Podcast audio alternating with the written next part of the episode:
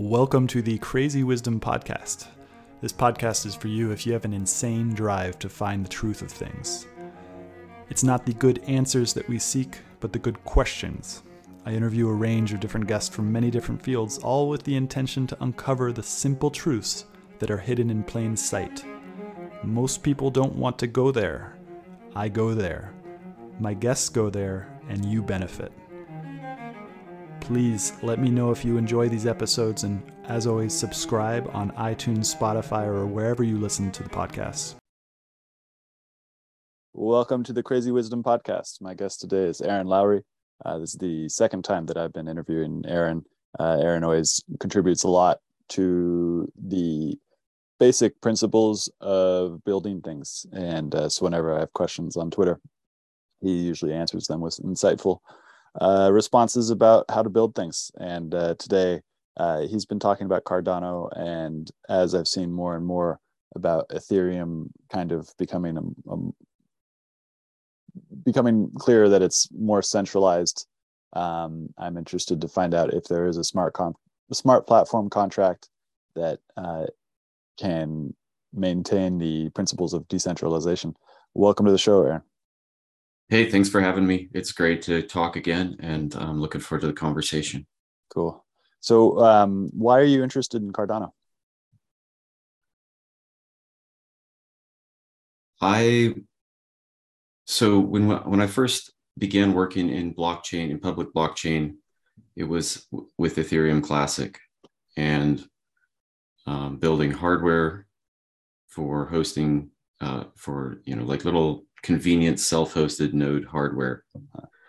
And one of the node clients that we supported was the Mantis client, which was built by IOHK, which is now IOG, um, who are the which is the corporation led by Charles Hoskinson, who um, launched the Cardano project. So we had actually uh, me and my partner Mike, who had been who were doing that project. Um, we met Charles up in Vancouver at the um, Ethereum Classic Summit in 2019, and so we had some you know interaction on on that side because at the time they were still supporting um, development for Ethereum Classic.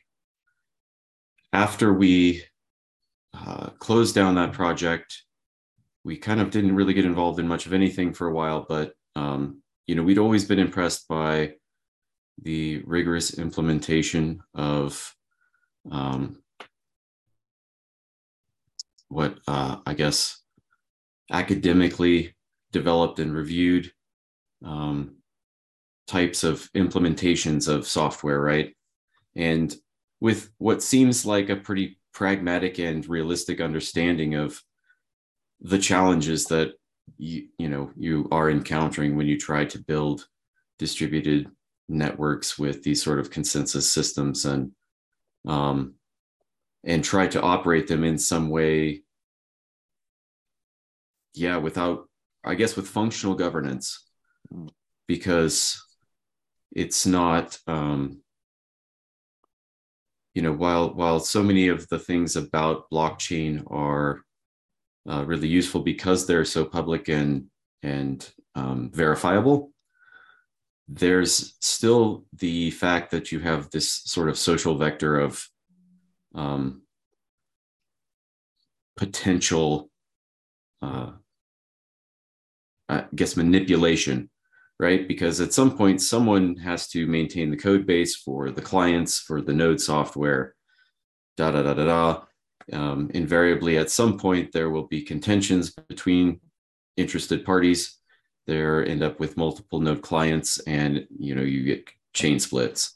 And you know it's just a divergence of consensus. And whoever updates to a certain node client or software um, they signal by doing so that they are in consensus with that what ideological direction and then the everyone who runs the other alternative software um, ends up, you know, it, it, can be defined a few different ways. The Ethereum and Ethereum Classic um, split is a good example of it.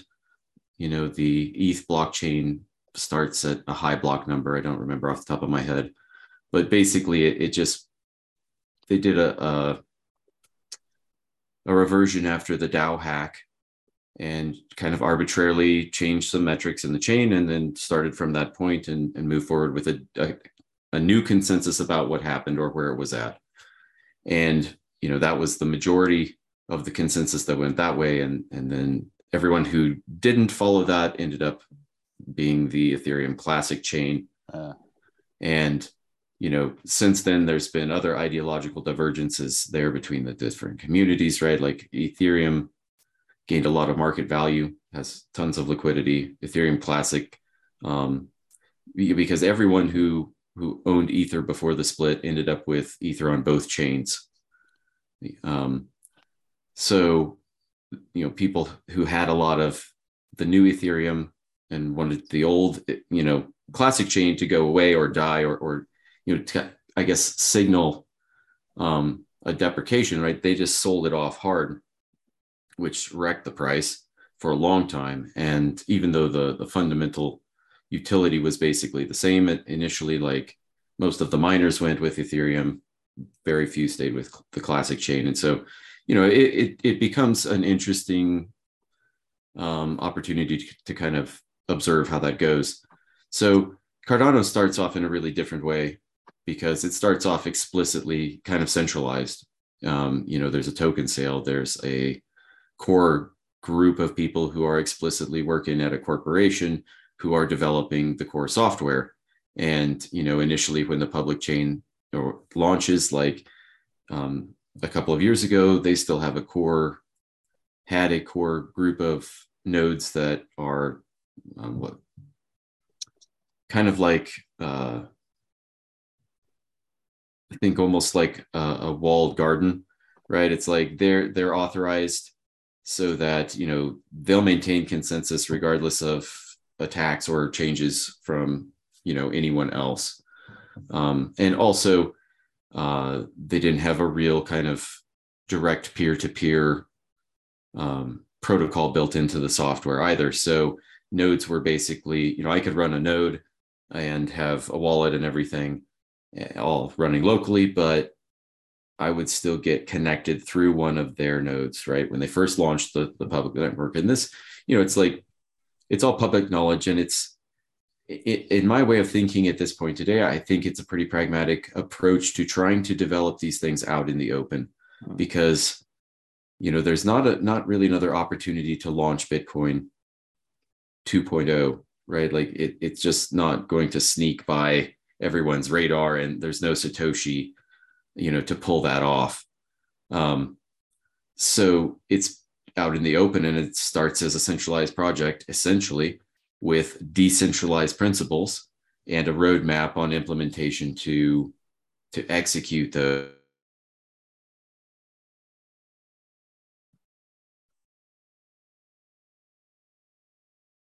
where you maintain some sort of federated authority in the network for a certain amount of time and then you know through uh, uh, different updates through the network and different um, what uh, implement uh, the implementation of different technologies like say p2p connectivity. So you know that's um, something that i think is absolutely critical for decentralized networks is you know my node needs to be able to connect to any node in the network and um, establish consensus between them and you know without any third party federating any of that.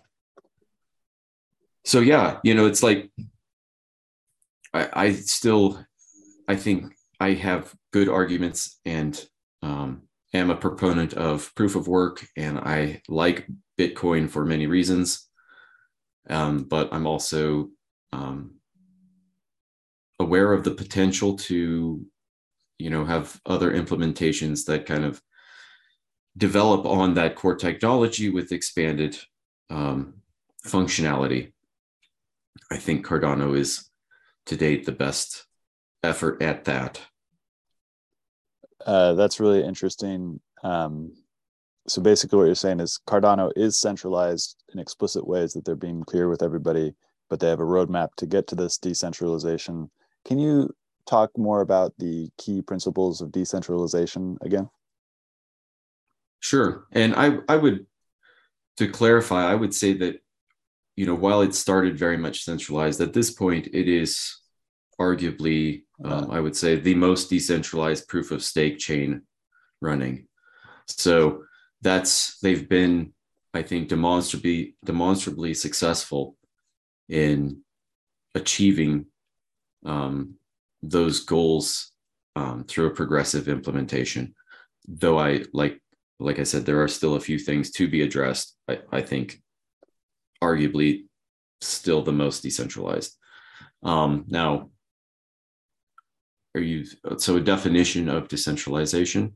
Yeah. So I guess the main question is, is what a working functional one for the conversation.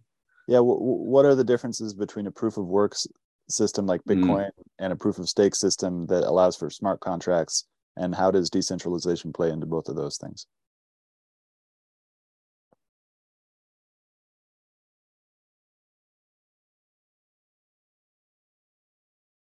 I think that the two, these two different consensus mechanisms leverage different things of value. And, you know, uh, I, I do think that there's an argument to be made that in the proof of work world, it will all tend towards a single network.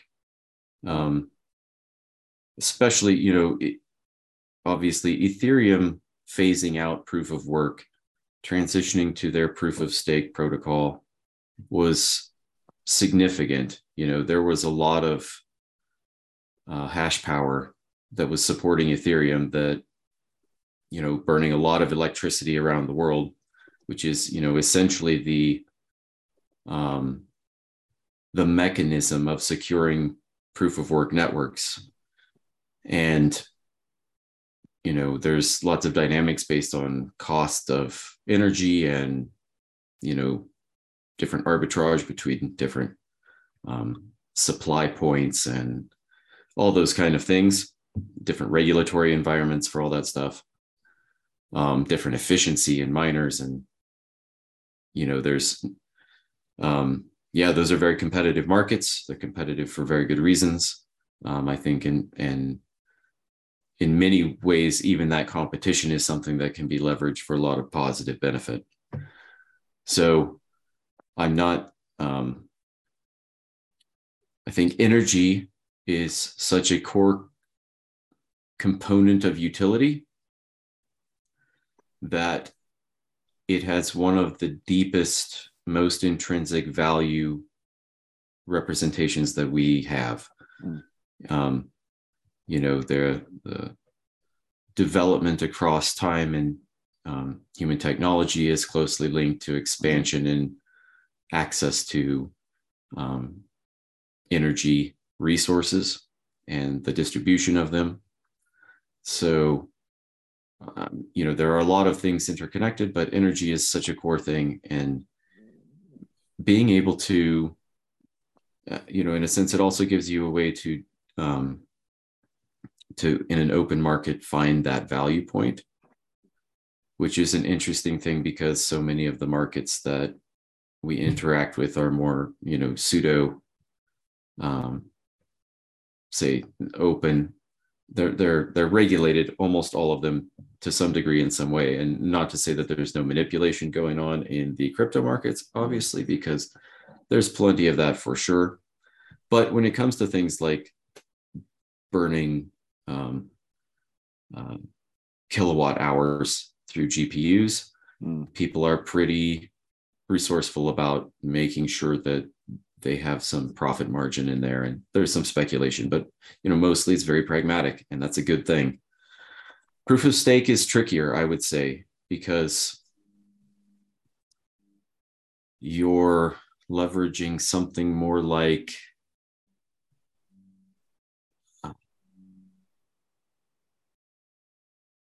trust within the network. Mm. I would say to some degree, you know, there's um, there's always a fine balance of incentives when you try to develop these programs or these kind of protocols, and it's um, there's usually some kind of a a complementary, you know, benefit to staking your tokens um, in good faith, along with a penalty for acting in bad faith. And, you know, in that regard, different networks implement some pretty significantly different rules. Um, you know, Ethereum is the largest proof of stake network um, by market cap and, and number of other metrics. Um, but obviously, just having transitioned to proof of stake after being originally proof of work, work network for a long time, and that was a, you know, that that's a, a process that was, you know, there's plenty of that that's pretty public, and there's lots of commentary about it. So, um, it's worth studying for sure. But it, even from a technical standpoint, uh, a lot of interesting um, developments in there, and uh, yeah, I think I think there are a lot of compromises being made in that system that are probably going to be really problematic to it over time. Um, some of them are in regards to the staking protocols and slashing protocols and stuff like that, um, and locking mechanisms that they use for um, staking funds. So, yeah, I, I you know I'm not participating in enough or following it close enough right now to offer anything like a current expl- or you know like comprehensive explanation of what's there but it's not something that i'm touching. Uh-huh. interesting. So so yeah i mean from there uh, cardano's the next um, that i think makes sense to talk about. And um, in this regards i think they're they're staking mechanisms and and um, positive and negative reinforcement implementation is far superior. You know, your your funds, your tokens stay in your wallet. Um, you can withdraw them at any time. You can spend them right out of staking, essentially. Right, they they don't actually leave your possession, but you still you know get rewards. Um, I think stake pools are an interesting idea because I think they offer interesting ways for community based funding mechanisms. I think that's probably the best way to think about them. There's there's a utility to being um, obviously running core validator nodes, right? Which is what stake pools are in these networks. And um, in Cardano, anyone can participate in that. I think that's a core fundamental thing that's um, necessary for anything like a distri- the success of a decentralized distributed network. And you know there are various ways that that people gain stake to their pools, um, different ways that they advertise and think you know sort of causes or that you can set different rates of returns all these kind of things there's mm. there's different ways to to participate in that and you know um, again competition helps keep that market honest in a sense you know along with the rules and the protocol um, which i think are are pretty well implemented. So yeah i mean at the end of the day though you know it's it's users staking tokens into these stake pools who are basically running a, a a, a validator node. And there's some cost and overhead in that obviously like um, mike and i have participated in that for a number of years. We have a stake pool. It's very small. We never really advertise it but we run it on a you know a metal rack server at mike's place. Hmm. um, you know we're we've developed node hardware project stuff for cardano um, kind of similar to what we did in ethereum but you know, not what formally. We don't have a company. We're not building and selling products, but we got a lot of um, software and even um, operating system level stuff for Raspberry Pis, that kind of thing. Mm. So, you know there's yeah i think there's there's a lot of there's a critical aspect in these networks that in regard to running your own a local instance of whatever the modem is or the, the address the connectivity point that ties you into these networks and makes you a part of them hmm. if say um, if you're running I guess the the core fundamental principle that I think is is the value proposition of blockchain is um, trust minimization. And when you think about that in a practical sense, and you're trying to eliminate dependencies and um, reduce the potential vectors where you where third parties could be between or necessarily are between you and the data you know then that that's the way to think about maximizing the potential of these networks. Because let's say if you're if you're transacting on ethereum and you use infura as your um, connection point for say metamask mm. then you know you are still relying on you know a third party to you know present valid data to you you know through the apis that connect all of those systems right like you're not validating anything locally um, really not not at least not explicitly in those transactions. Um, although obviously because of the nature of them you can go put, run them through block explorers and do validation and stuff that way.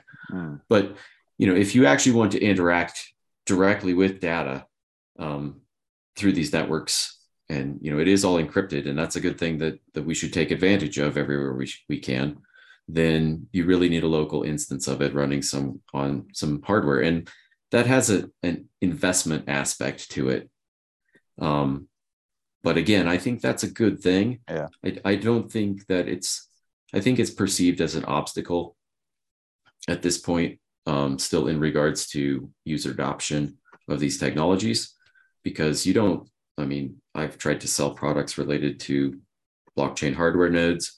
There's not that much of a market for it.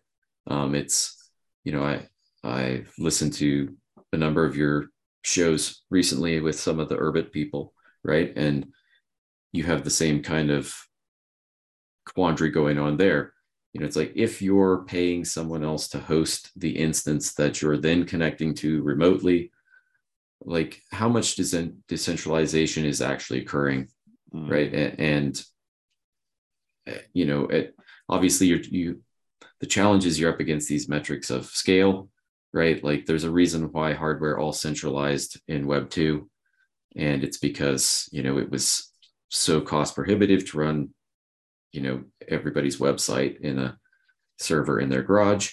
And instead everybody just outsourced it. And the people who ran, you know, data centers really well, ended up owning the whole market. And so there aren't that many of them today, but they do offer, uh, you know, the the backbone of what all of our digital services run on, for better or worse. Um, but you know, that's that's something to consider. You know, when when you start thinking about decentralized networks and stuff like that, we're still um, you know you have to dig all the way down and at some point we're all still connecting through isps mm. which are permissioned and you know over networks that are permissioned and we're not i mean there there are a few um, a few projects that i think address that pretty actively but they're not that large and they're not getting tons of traction. You know like the uh, the infrastructure that all of our digital communication, you know, travels on is highly federated and you know more um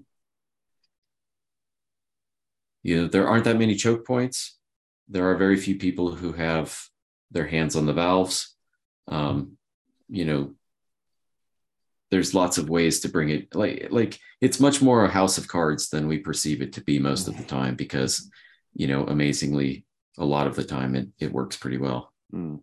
But yeah, it's it's a vulnerability point when you're thinking about distributed network technology or or decentralized, say blockchain stuff like that. It's like um, there's points that can disrupt those networks that have nothing to do with those networks themselves. You know, they're not operating independently of the infrastructure that they run on. Hmm. Wait, so does that make it the ideal of a principle of decentralization is that the uh, is that those things are connected?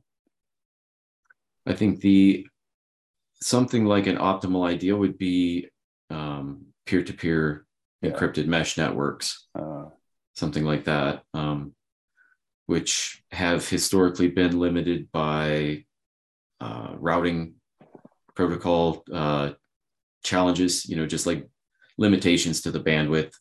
Um, obviously, then there's also another hardware component because then you really kind of need people operating, you know, medium to long range uh, antennas. But man, you end up with an incredibly robust network. You're able to do interesting things with um, uh, dynamic billing, mm. you know, based on actual usage rather than, you know, uh, annuitized usage. So, you know, there's there's because everyone can basically then transition to a digital currency for payments, and you can pay based on bandwidth used at certain times and speeds and you know traffic loads and current rates and all that kind of thing. And mm-hmm. you know micropayments are you know trivial to implement in tracking for stuff like that. So you know you can also share data through relays. I mean there are there are a number of implementations of these kind of protocols and and a few of them that are being done really well and have a lot of potential. But uh yeah there's there's always kind of that sales point transition to get over you know like the the um, from a marketing aspect the the consumer base in you know most of the market for these products is highly conditioned towards um, like free hardwares and services conveniences mm-hmm. right you know like like convenience is always paramount in in kind of the purchasing process for for most of these people mm-hmm. and as a result they're willing to compromise a lot of other things and you know that's that's led to an environment now where everyone's attention is commoditized and monetized you know and and and people are willingly just participating in it you know there's there's not a direct coercion going on. no one's forced to use Facebook. and yet, world. you know, they're 15, 20 years now in, like there's a lot of data collected there. And, you know, it's, it's amazing how you can mine it to continue to produce value out of it. Yeah, this is in, in, in a market yeah. that runs on attention. Yeah, this the the vibe I'm getting from this conversation and all the reading I've done recently, particularly the Big Short and looking into what happened with the the subprime mortgage crisis because you know I, would always heard that Satoshi built Bitcoin because of the subprime mortgage crisis, and now I, I, have a much better understanding of what actually happened to the subprime mortgage crisis. And it it's like you described, it's like it, that convenience went from the consumer layer layer into the actual finance layer, um, which is fascinating because you you know 150 years ago, 100 years ago, finance was run by these um, these uh, basically these uh, aristocrats in private banking networks that had codes of honor, uh, and so they removed themselves from the gold standard uh, in times of crisis, and then once the crisis was over, they put themselves back on the gold standard, um, and you know that leads up to the the removing the gold standard totally and now we've we've we're kind of just in this scam world where everything is a scam. And so then Satoshi came up with this idea of Bitcoin in order to create this trustless system that you that you had mentioned. Um, and then, of course, with FTX recently, that whole thing just got captured. Uh, not whole thing, but the, a lot of it got captured. Um, and it's just so interesting that the that the that the system itself seems to make everything vulnerable, at least in its current, you know, global um, reality. Uh, but the key things is like how quickly can those change?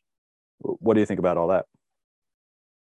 I think you covered a lot of ground right there. So I'm going to try to start back at the beginning and, and follow the same train through. I think that one of the unique capacities of human beings is to implement abstractions mm.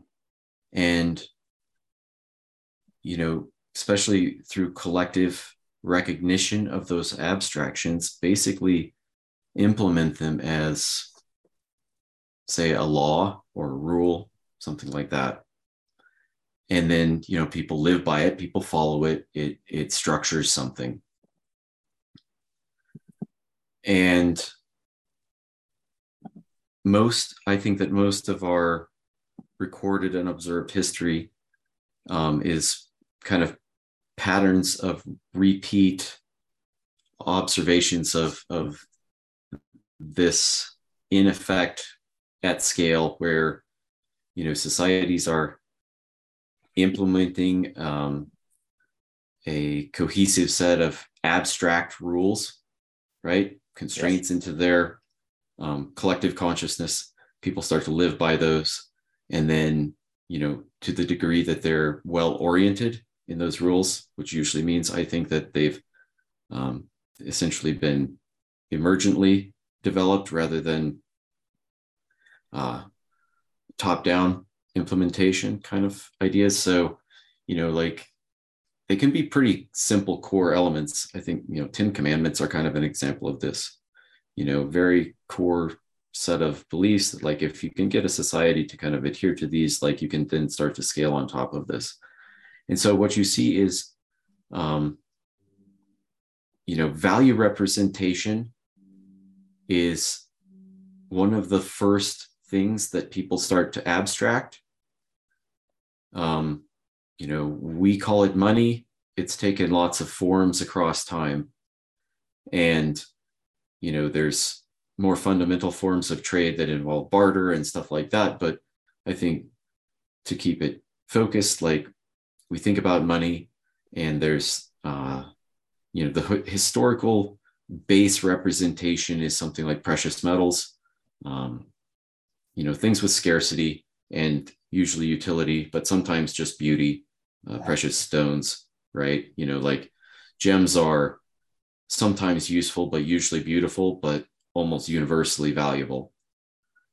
So there's there's a few things like that but they're you know again they're basically they're tied to scarce resources and and sometimes utility because gold has tremendous utility and that's been recognized for a long time in lots of ways. And and other kind of base commodities we think about like copper right? Copper for a long time now high utility value almost universally recognized and you know that that that gives it something like um a place where you can start to then apply abstractions right so you have monetary systems where people take things like um, gold and then say um, press someone's representation onto them and develop a currency, right? A bunch of coins, distribute those. They have accepted value. They um, afford commerce, right? And then there's a demand and rapidly a supply for financialization. So um, you have lending, which takes lots of different forms based on different cultures and, and kind of frequently kind of dependent on some of the core things that are underneath at the bottom of the culture right? Those those core assumptions, um, or or uh, say abstract restraints, the constraints that they've put into their their culture. And so you see this start to emerge, and this is where you really start to see, I, I think, in in financial terms, like abstraction really begins to go wild. And in almost every implementation that you find, it seems like there's a pattern that reemerges and it's you know financialization um, centralizes the holders of the currency generally like you end up with bankers right? They're your core lenders. Eventually they're usually carteled up so that everybody can you know maintain the profits that they they want. And you know because of their resources they're able to you know dabble in things like politics and things off you know depends on the system they're in you know feudal systems and monarchies and represent uh, uh, republics democratic republics like we live in like different ways that you can get into there but if you've got money you usually have something to work with.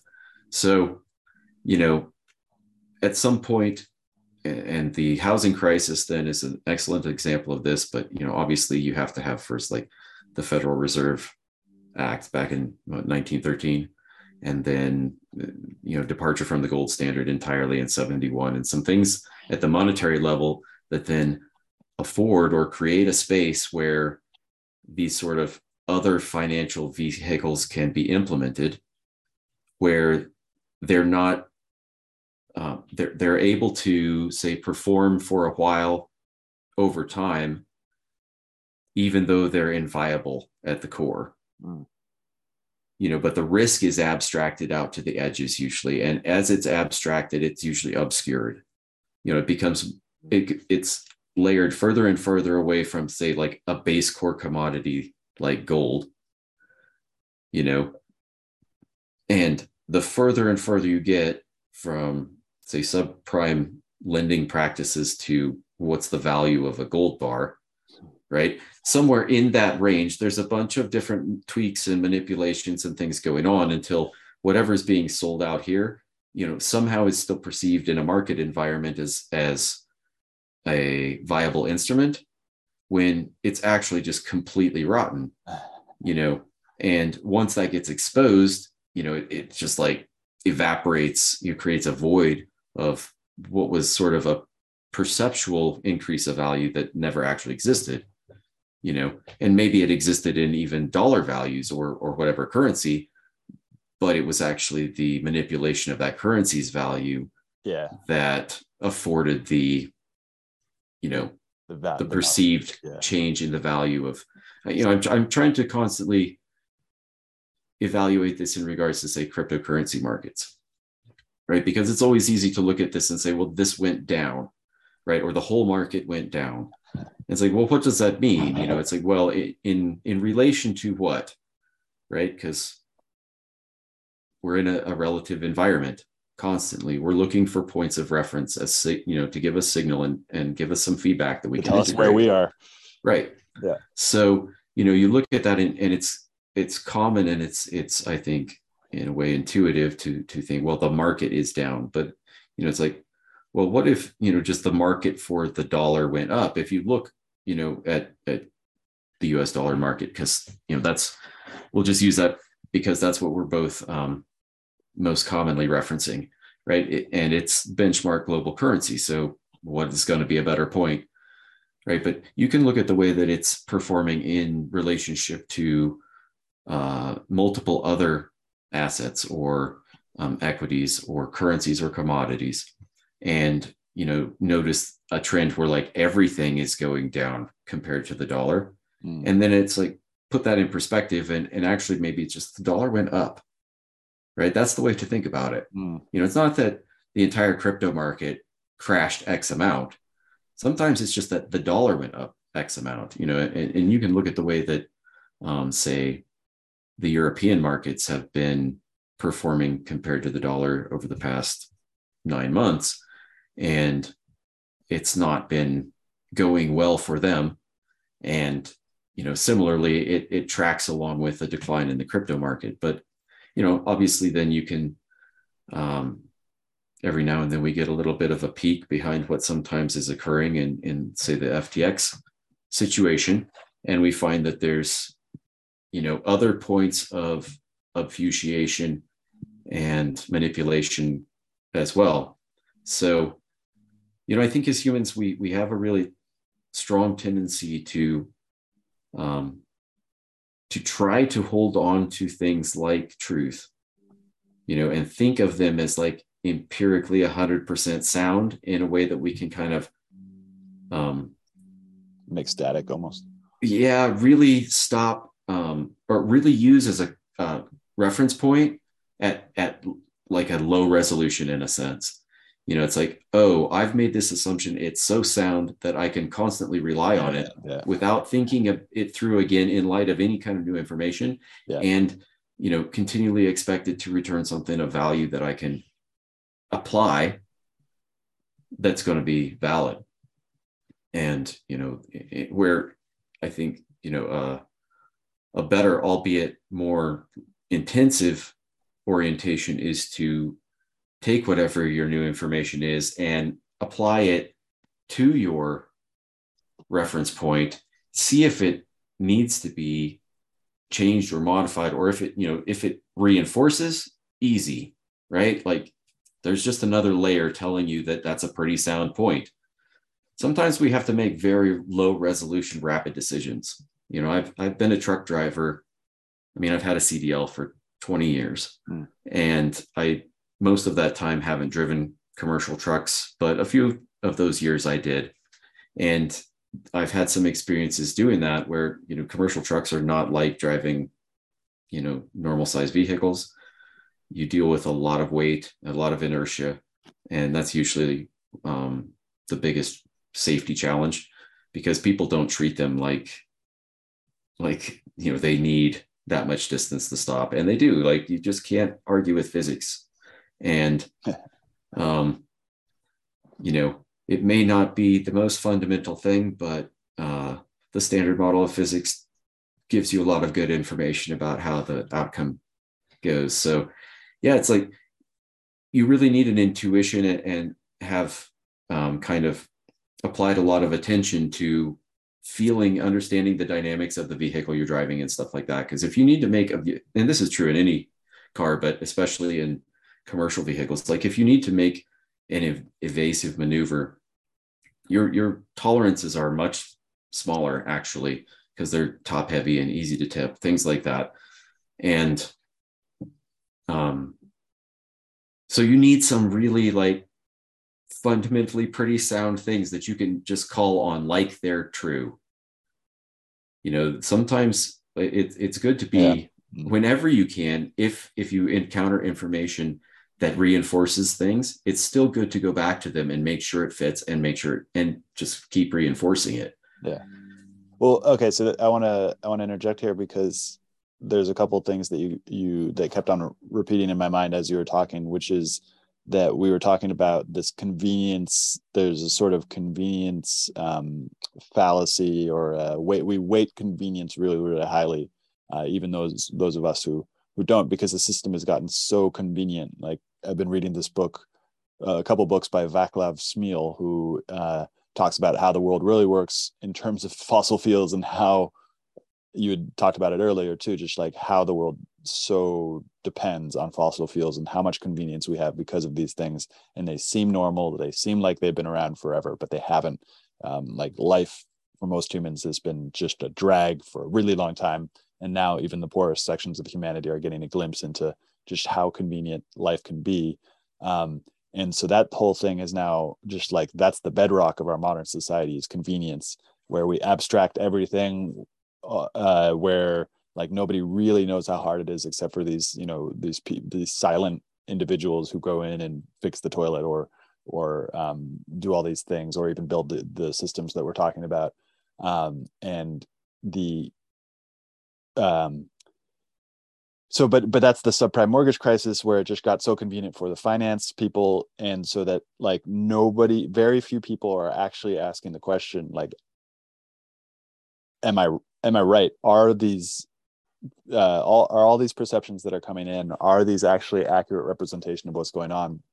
And in a, in a sense it's like ftx yes yeah, right? It's like people are putting their money in for you know i mean in this case retail users like presumably to purchase cryptocurrencies. But you know the the the fundamental pretense is the same right? That that this is a vehicle that you can utilize for whatever you're trying to uh, whatever outcome you're trying to achieve.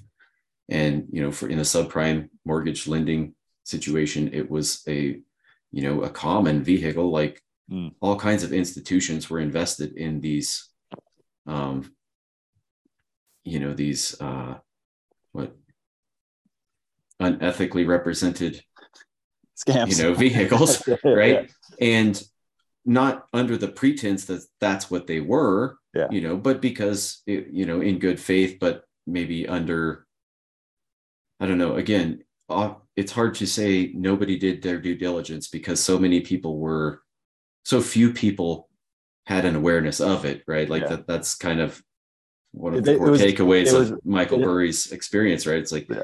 There's hardly anybody else that actually sees this this way and will call it much less bet on it. And therefore it doesn't exist because nobody can see it. To the to a point right? Like that's one Yeah, of the things until this, went wrong. this this ability to abstract things and and implement those abstract constraints into our reality is that you know if they're not sound then they do always get exposed. Like there's kind of this truth that runs through all of our historical narrative. It's like you know the the you build the house on the rock or the storm comes and it washes out. There's there's just only there's it's a it's a question of when the storm is coming how big the storm is and what form it takes in some sense. Yeah. but you know if your if if all of your value is couched in items that are fundamentally unsound when the storm comes you find that you have nothing and it comes as a surprise to you because you actually thought that you lived in a home right and like it had four walls and a roof and it would keep you dry when it rained right but the metaphor of course is that you know there is a storm that comes that you know knocks down the house that if or that if the house isn't built on a firm foundation Yeah. right the storm you know washes it away and there's a what there's kind of a cleansing element to that and a purification um, this is one of the things that i i definitely appreciate about crypto is that there is the ability and capacity Mm. for these kind of things to um, follow essentially an unmitigated course. Now, you can say that for better or for worse in a sense, Yeah. You know, but it's it wasn't the case in 2008 and like you know to get back to satoshi the launch of bitcoin i you know i look at that as you know a fairly complex process right? There's lots of technologies that had to come along before and, and get developed and kind of integrated together until we finally end up with the implementation that was bitcoin. Mm. and there's a number of people working on that process. You know satoshi's this you know anonymous participant and and figurehead but you have hal finney and you have you know nick szabo and you have another a number of people adam back right that are contributing and and and it's it's a melding of ideas and it's it's finally a bringing together of enough of the right protocols. And many of them weren't new by any means right but it was the right recombination Yep. of tools and you know then i think what you see there is kind of the the technical affordance that allowed for a launch like bitcoin Mm. with an anonymous founder Mm. and you know that's one of those things that i do think is that you know it could only probably happen once um the fact that it happened at all is incredible like you know um you know i wish i'd have paid more attention to it when i first don't was all? exposed to it but well, you know um there's there's something really fundamental that happens there in the bitcoin equation that cuts past all of these levels of artificial representations of value you know which tend to end up in the hands of these very centralized representative or just mm, but just centralized systems. You know, sometimes they're representative, sometimes they're, you know, oligarchies, and sometimes they're uh, dictatorships in a sense, right? But regardless, it's it becomes gated communities with preferential access and you know regulatory capture and all these kind of things. And like, you know, this was seemingly at play in the whole FTX thing too, right? Happens in 2000 uh, following the 2008 2009 crash right? Like the um there's bailouts and there's quantitative easing. And Jail. then we ended up in this market environment where you know we have 10 years of artificially low interest rates. And, and also money printed as well too right? Well i mean that's part of the equation because you have to you you know play both ends against the middle in these systems and increasingly more so um, you know when you're borrowing from yourself and lending back to yourself and you know borrowing from the future and selling everyone which into is exactly you know, what slavery which was sam was exactly what sam was doing was creating these crazy accounting moves and then borrowing things and then buying mansions and all that stuff yeah i don't even know quite what's there i mean a lot of it seems to just be gross malfeasance in some Yeah. sense Yeah. so uh, i'd hesitate to even say because it seems to be just in many ways considering how large um, how much value was involved. It's amazing to me that there weren't a few more competent people installed in the background.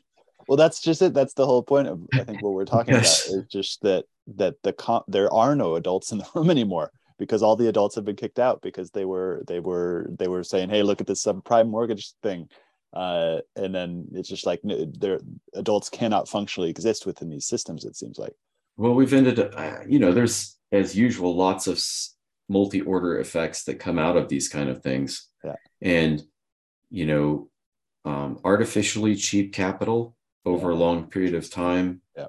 is a very good way to deeply obscure real signal. Interesting You know, um, people who have access, you know, over the last 10, 12 years, people with people with capital have had access to incredibly cheap Yeah. capital yeah interesting yeah and you know I, I, you're familiar with venture capital Yeah. and um, it's easy to see it in, in an environment like that where you know a bunch of cheap capital and th- this comes down to incentives right? This is kind of the fundamental problem with abstracting money in the first place and printing as much as you want is that you know you you lose this feedback mechanism that's actually essential that is like things need to be able to fail and it needs to hurt. Yeah. And you know the the or at least one of the results of this cheap capital scenario in say venture capital is like you get managers going out and just like 40 million dollars here and 20 million dollars here and just try you know trying to get a series a in this you know anybody who's got a little connection and a few of their friends are also investing in it right? They're just throwing money all over the place. Diligence is basically what diligence is too much work right? Like yeah interesting. Diligence is too much work when chat capital's that cheap. Yeah. You just get in as many pies as you can and bail out the ones that don't work with the one the few that do. And you know usually that means an exit at some point um, a little further further down the road hopefully at an ipo or something and then you cash out and then it still doesn't matter if it's a viable product. Yeah. you know like there's plenty of companies on the market still today i mean uh, here's an example and not to say that they're um, there's no value being created but peloton Yeah. right uh, it's like nothing especially revolutionary about the product the price point was pretty you know uh, what virtue signaling the stock value was you know like a hockey stick Huh. as long as you know there was um, a lockdown scenario and a bunch of stimulus cash coming out to everyone. But then as soon as you took away those things right or or reduce them or just the, the time of everything caught up and it's like well turns out that money can't shouldn't probably just go towards this $2500 exercise bike. It's like um you know then you started to see this correction that's like you can't argue like right there it is you just look Yeah. at it and it peaks and it just augers down into to almost nothing you know and like to the point now they've they've pivoted their business model and they're Wow. they're trying to salvage it in a number of ways but um i mean it seems like i just i don't track it that closely i just see a commercial now and then during a football game yeah but you know you can see you, you can get some interesting intimation seeing how things are advertised across time and seeing how sometimes they're changed and repositioned within a market. Uh this, it's like how do you build something that lasts when structurally everything is in la la, la land? And well i guess i mean now that the rates are going up there is there has been a certain like i can now feel it. I'm sure other people can feel it that there is a certain like a little bit of like oh oh maybe it doesn't work like that anymore. Um, and that there is some sort of san- sanity being uh, reintroduced to the market. But then is that real though? I mean are is there sanity that is actually being reintroduced to the market or are we just kind of like like or has the last 20 years been so far from reality that like it'll take a much bigger reality check to get everybody back to like oh okay this is this is this might be how world the how the world really works? It's a really good question. And i'm not speaking with certainty but i'll just kind of throw out some ideas. I get the sense that um, we've abstracted far too far.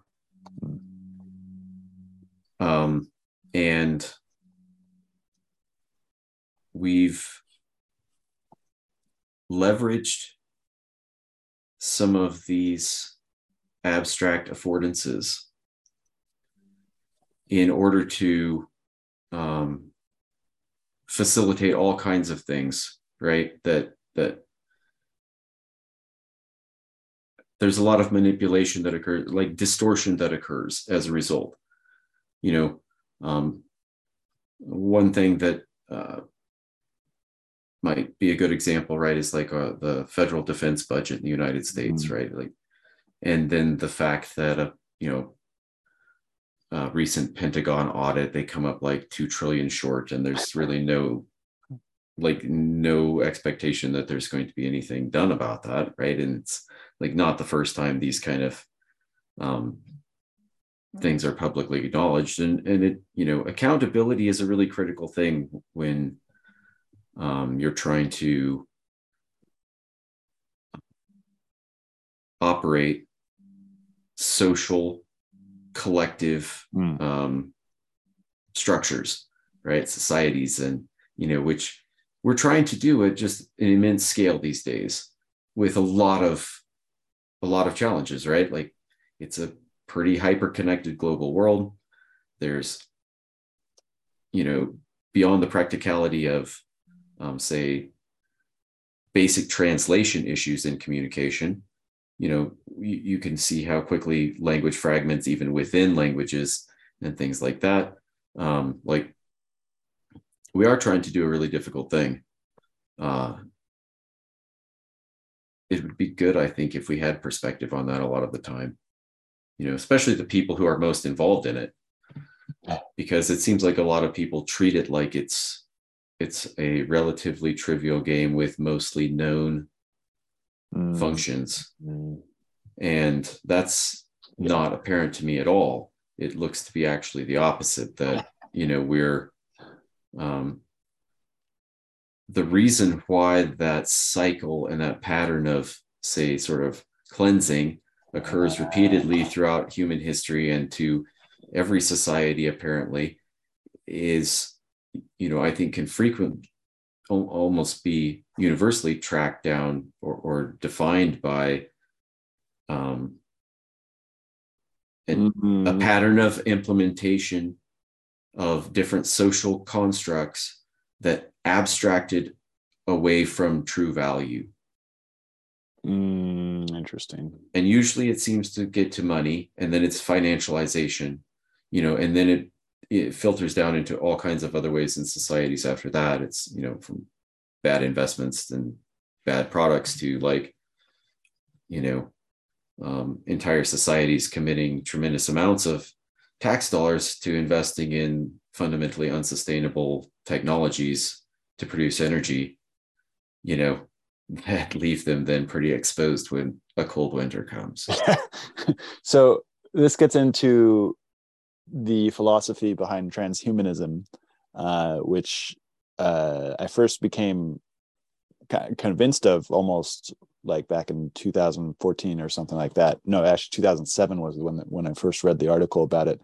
Uh, and then you know with Facebook, you have Mark Zuckerberg talking about the only way we can do space travel is by shrinking the consciousness into nanometers and then sending that nanometer spaceship out. And uh, and then you got Yuval Harari who talks about uh, just like it's coming that that we're, humans are going to be uh, changed so significantly towards this kind of abstraction. And so you have this idea that humans are going to be abstracted so much that maybe it doesn't matter. Maybe all the things we've talked about maybe the actual fundamental rules are changing as to what a human being is. And that new version of the human being is going to be so uh, regulated by abstractions that that it's just you know that there will never be that fundamental return to reality that you're talking about that cleansing uh, because it's just it's the rules have changed. What do you think about that?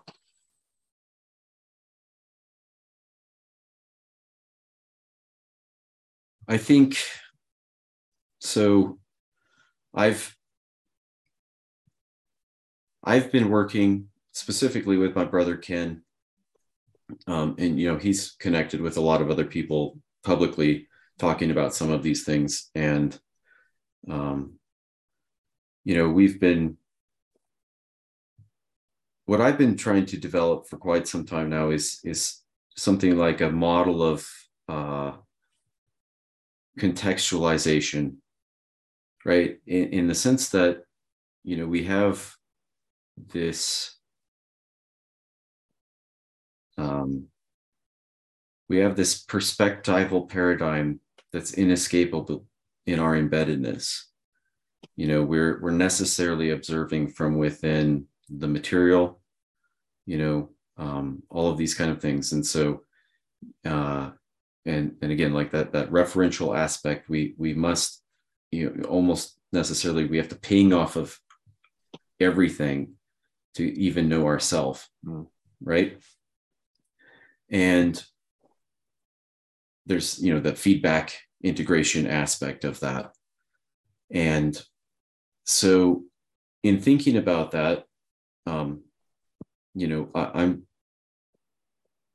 i find that what seems to be needed is a contextual way that takes us at, you know as deeply as we can go as and beyond where we are in something like a um, just a contextual way of mapping so that we can position things relative to each other, mm. even though they have apparent contradictions. So, like a lot of people, um, I think we started with an effort to try to develop some continuity between religion and science, mm. you know, which I think is one of the ongoing efforts of man across time because our you know science is uh,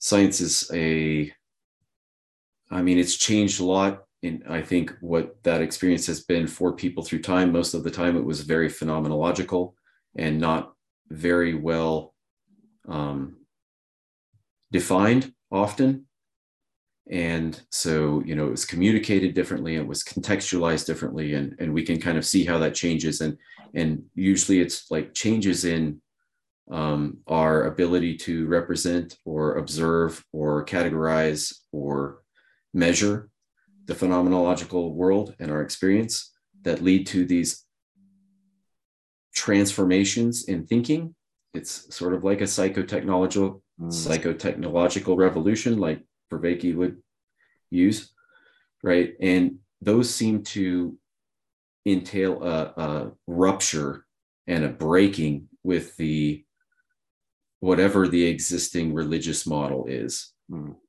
You know, because the religious model is defi- defining something like an ontological relationship towards the divine or towards being or to, towards energy, towards the beyond, the unknowable, the infinite, right? Different ways to kind of define that eh, or, or, or I guess represent that. But you know, they tend to frequently contain all of those elements. And when these psychotechnological revolutions occur, and you know, it gives people different language and different frameworks for thinking about the world that we experience, right? Which is certainly what's happened since the Enlightenment and um, the scientific revolution. Um, you know, I think that those create disintegrations collectively, right, in, in people's thinking. because you know we're we're not well equipped to deal with that apparently you know disparate but conflicting but still seems like either meaningful or apparently true right information and so the the common result of that is to basically close down or discredit or somehow try to disallow some of that information into your model wherever there's a conflict. You choose one or the other. Or try to find some way to fit them together. And you just essentially resolve yourself to maintaining these in these tensions internally. So like the more you know the more tensions you end up with. And eventually you're essentially consumed by just exerting so much of your energy just to maintain you know anything like functionality as a human while while you know you have this inescapable internal tension right that you can't resolve. And uh, like to me that doesn't make any sense. Like I think uh, you know new information needs to be engaged and it needs to be integrated. And that should um, be reflected then in your orientation right? The way that you then address the world where you know where your attention gets focused and and um, sort of like um, how your relevance realization is occurring right what's prioritizing your attention so i think you know this is why I think you should always try to tell the truth to yourself. Be very careful about lying to yourself, or, or essentially like whenever you even incur or occur, sorry, whenever you um, encounter a memory or something that that presents to you as disintegrated or has some kind of tension or whatever attached to it, trauma, right? That the very best thing you can do every time, all the time, is address it as honestly as you can. Uh, and you know, then then you'll actually get the information from it that you were supposed to get from it. That's what allows you to resolve the tension, which reintegrates you. You know, I think um, though this there's this is maybe a a, a limited uh, representation, like the idea of left and right hemisphere in your brain, like Iain McGilchrist um, has, you know, done so much work on and, and brilliantly um, described is, you know, I think there's there's almost a sense in when which you know we we really need a balance between the properties of the hemispheres in our brain, right? Like the right side seems to be inclined, and this is again kind of a metaphor, right? But the right side is inclined towards in, um, the engagement with novel information and you know if if you uh, if you take this in sort of a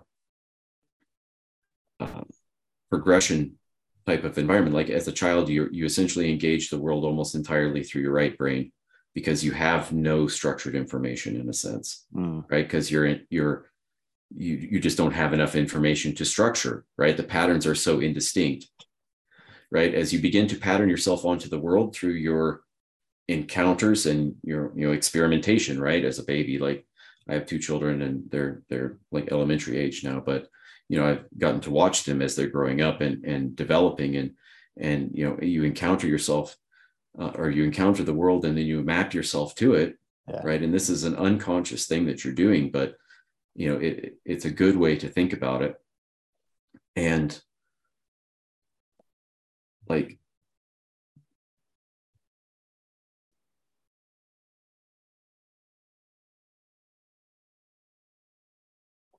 I think as we, you know, we are, I think the other way to think about like the left side of the brain is as a pattern recognition machine. It's a really good way to think about that. And so I think that it's, you know, as you encounter all this novel information in your right hemisphere and you, you, you begin to develop some patterns and you begin to codify things. And that's this mapping, this, this, this structure, this framework that you, you know, you, it's the lens with which you engage the world and it starts to allow you to offload a lot of processing so you're not p- spending so much attention on like observing every single novel thing in your environment mm-hmm. like you'll notice small children do like they point out all mm-hmm. kinds of things that i would never notice right because i just garbage collect all of that visual in, information right away because mm. I've already, you know, I've got a pattern over here that tells me it's not Counter relevant, right?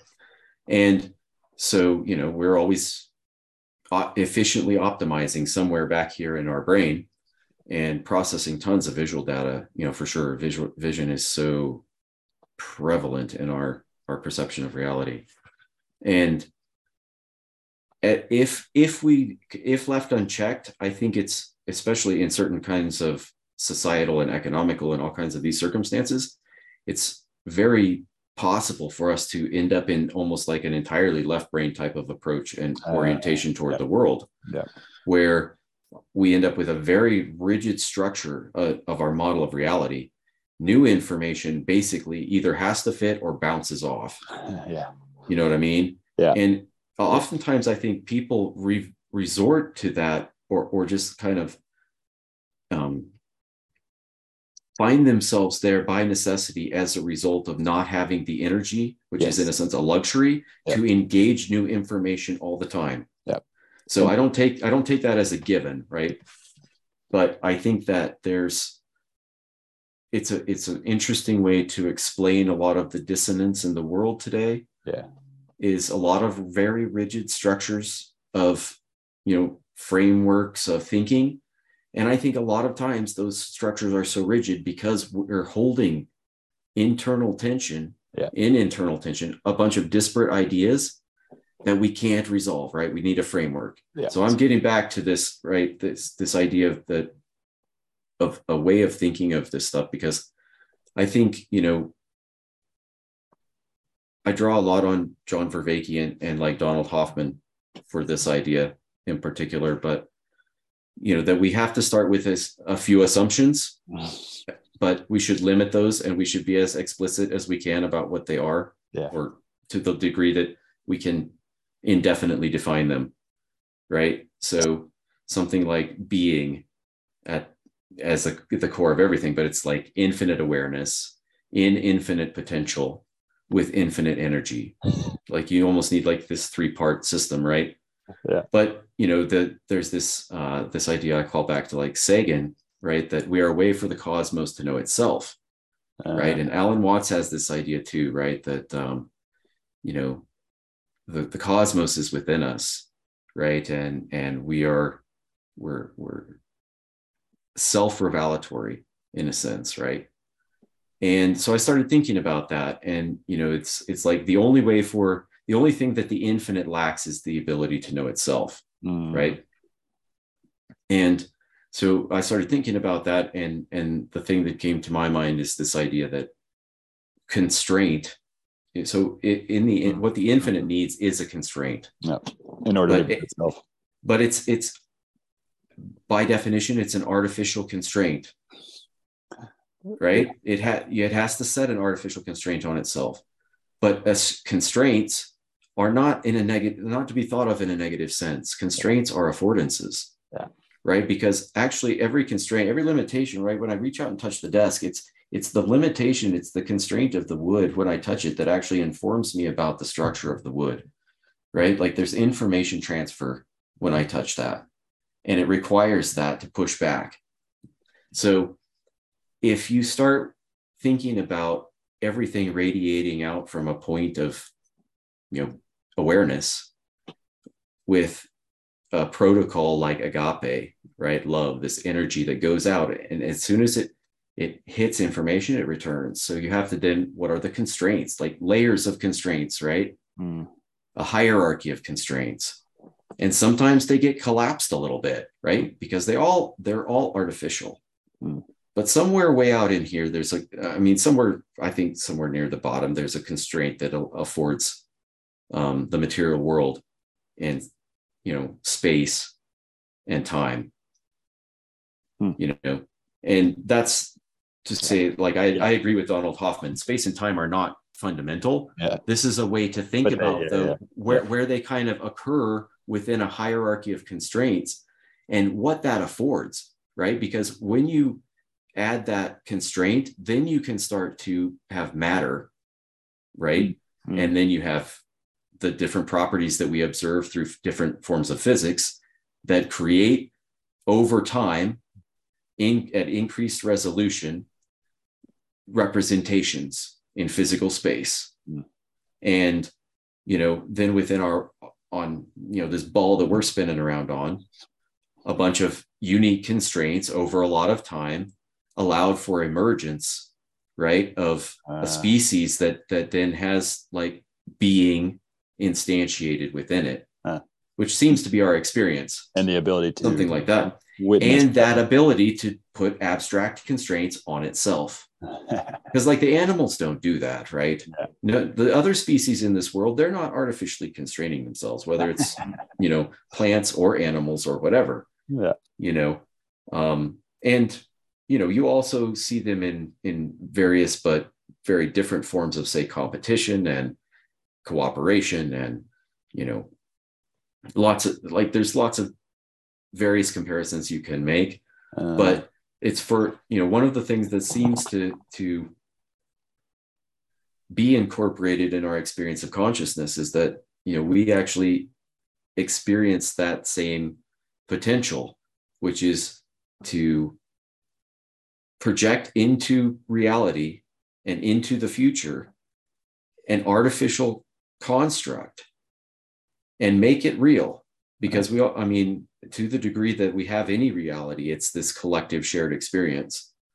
And at least it's from our perspective, embedded within. And so, you know, I don't think that there's a point where it can't be collapsed back to a, a point where you build from again. You see what I mean? To get back to your idea of like, are the systems so broken now that for like, for instance, we, we don't have a place to go back to to reorient them uh, you know, so the the question to me is like to go back and explore the different artificial layers that we've placed upon them, and and even explore things like our our core concepts of value, right, which is really critical, and you know. Um, how to define, how to delineate that, how to make it fungible, you know, um, because there are so many of these abstractions like it's this is not to to look at the whole thing and say like it's a it's an entire you know we should throw it all away it's a mess right mm-hmm. it's all wrong the fact that any of it works at all to me is a testament to how close so many of the core principles have been mm. You know i think there are patterns across time that give us an indication, right? Or or something like a, a pattern and trajectory. Um, we can learn from those things. You know, I mean, that's that's been our uh, that one of our defining features, right, is our ability to adapt and iterate, and you know that that comes as a result of integrating information from feedback. Um, and when we inf- integrate that well, we're able to produce systems or, or say even buildings, monuments, all kinds of things that have incredible um, kind of features. Of, well, and and I think it, there's an idea that's you know embedded within religious tradition that the thing that you're looking for is something like the true, the good, and the beautiful. And there's a way in which those things kind of self-reveal or, or, or, or complement each other and, and reveal each other and reinforce each other. Like oftentimes, you know, good can be kind of a um, nebulous concept that can be difficult to, to um, define in a given specific situation. But if you get an opportunity to choose between two things and you can perceive beauty, like it makes it pretty clear which one is the good one. Mm. Mm. You know, beauty's kind of this this interesting razor because it's got a universal quality to it that's um, hard to it's defined hard to argue with. Yeah. I mean, it, but it's, it's, at the same time, it's difficult. It's almost impossible for us. I shouldn't say impossible. It's it's challenging for us to capture that as a good signal we, we there's a universal way in which people perceive things and, and can collectively um, um, come to a consensus that a term like beauty or beautiful should be applied to it. Mm. And it's, you know, that that's an emergent thing. You can't force a bunch of people into thinking a thing's beautiful. but, you know, you can voluntarily allow a bunch of people to observe a thing and have them all basically unanimously walk away with a, a deep impression of beauty. And and yet, you know, like it does give us indications about what is good, you know, and what is true. Which I think, which is really funny because it's wrapping up to the beginning of this conversation about consensus and uh, how to establish con- consensus uh, and on, on, these things that you can't trust uh, or that to minimize the trust part. It's really funny that that how how to signal with accuracy is a real challenge. You know, I mean, that's always what we're kind of trying to achieve during communication. Uh. and you know a, a, good example uh, without getting too much on a tangent right is like um, uh, voting in representative systems right where there's there's um, a certain threshold of institutional trust that's required mm, which in order to even motivate participation you know and that's problematic. Um, and then there's the downstream effects of you know what happens when people don't trust outcomes.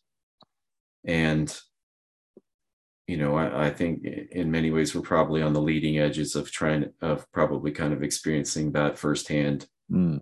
you know in this country yeah you know if not already um certainly in the future because there's a lot uh, of people don't trust it right now well, you know, they've been given lots of reasons to question institutions.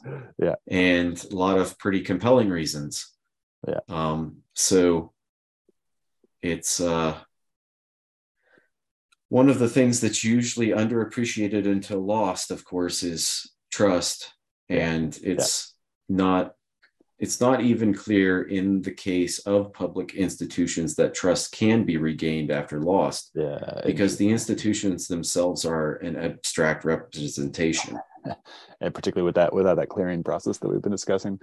I actually have to to cut us off because I've got a rainstorm coming and I need to get my uh, goats some proper shelter. Go tend the herd. Yeah, but this has been awesome. I really really enjoyed this conversation and I love how we went from uh, blockchain to like really deep principles of how how decentralization inside of human structures also works. So thank you for so much for coming I'm, on the show. I've yeah, absolutely. I've always found it difficult to follow really rigid formats. I found kind I find that kind of like a dialogos format seems to be much closer to um I don't know, fostering synchronicity and, and thoughts and ideas and, and actually facilitating communication. Totally. So go find Aaron Lowry on Twitter uh, at A A R O N underscore L O W R Y.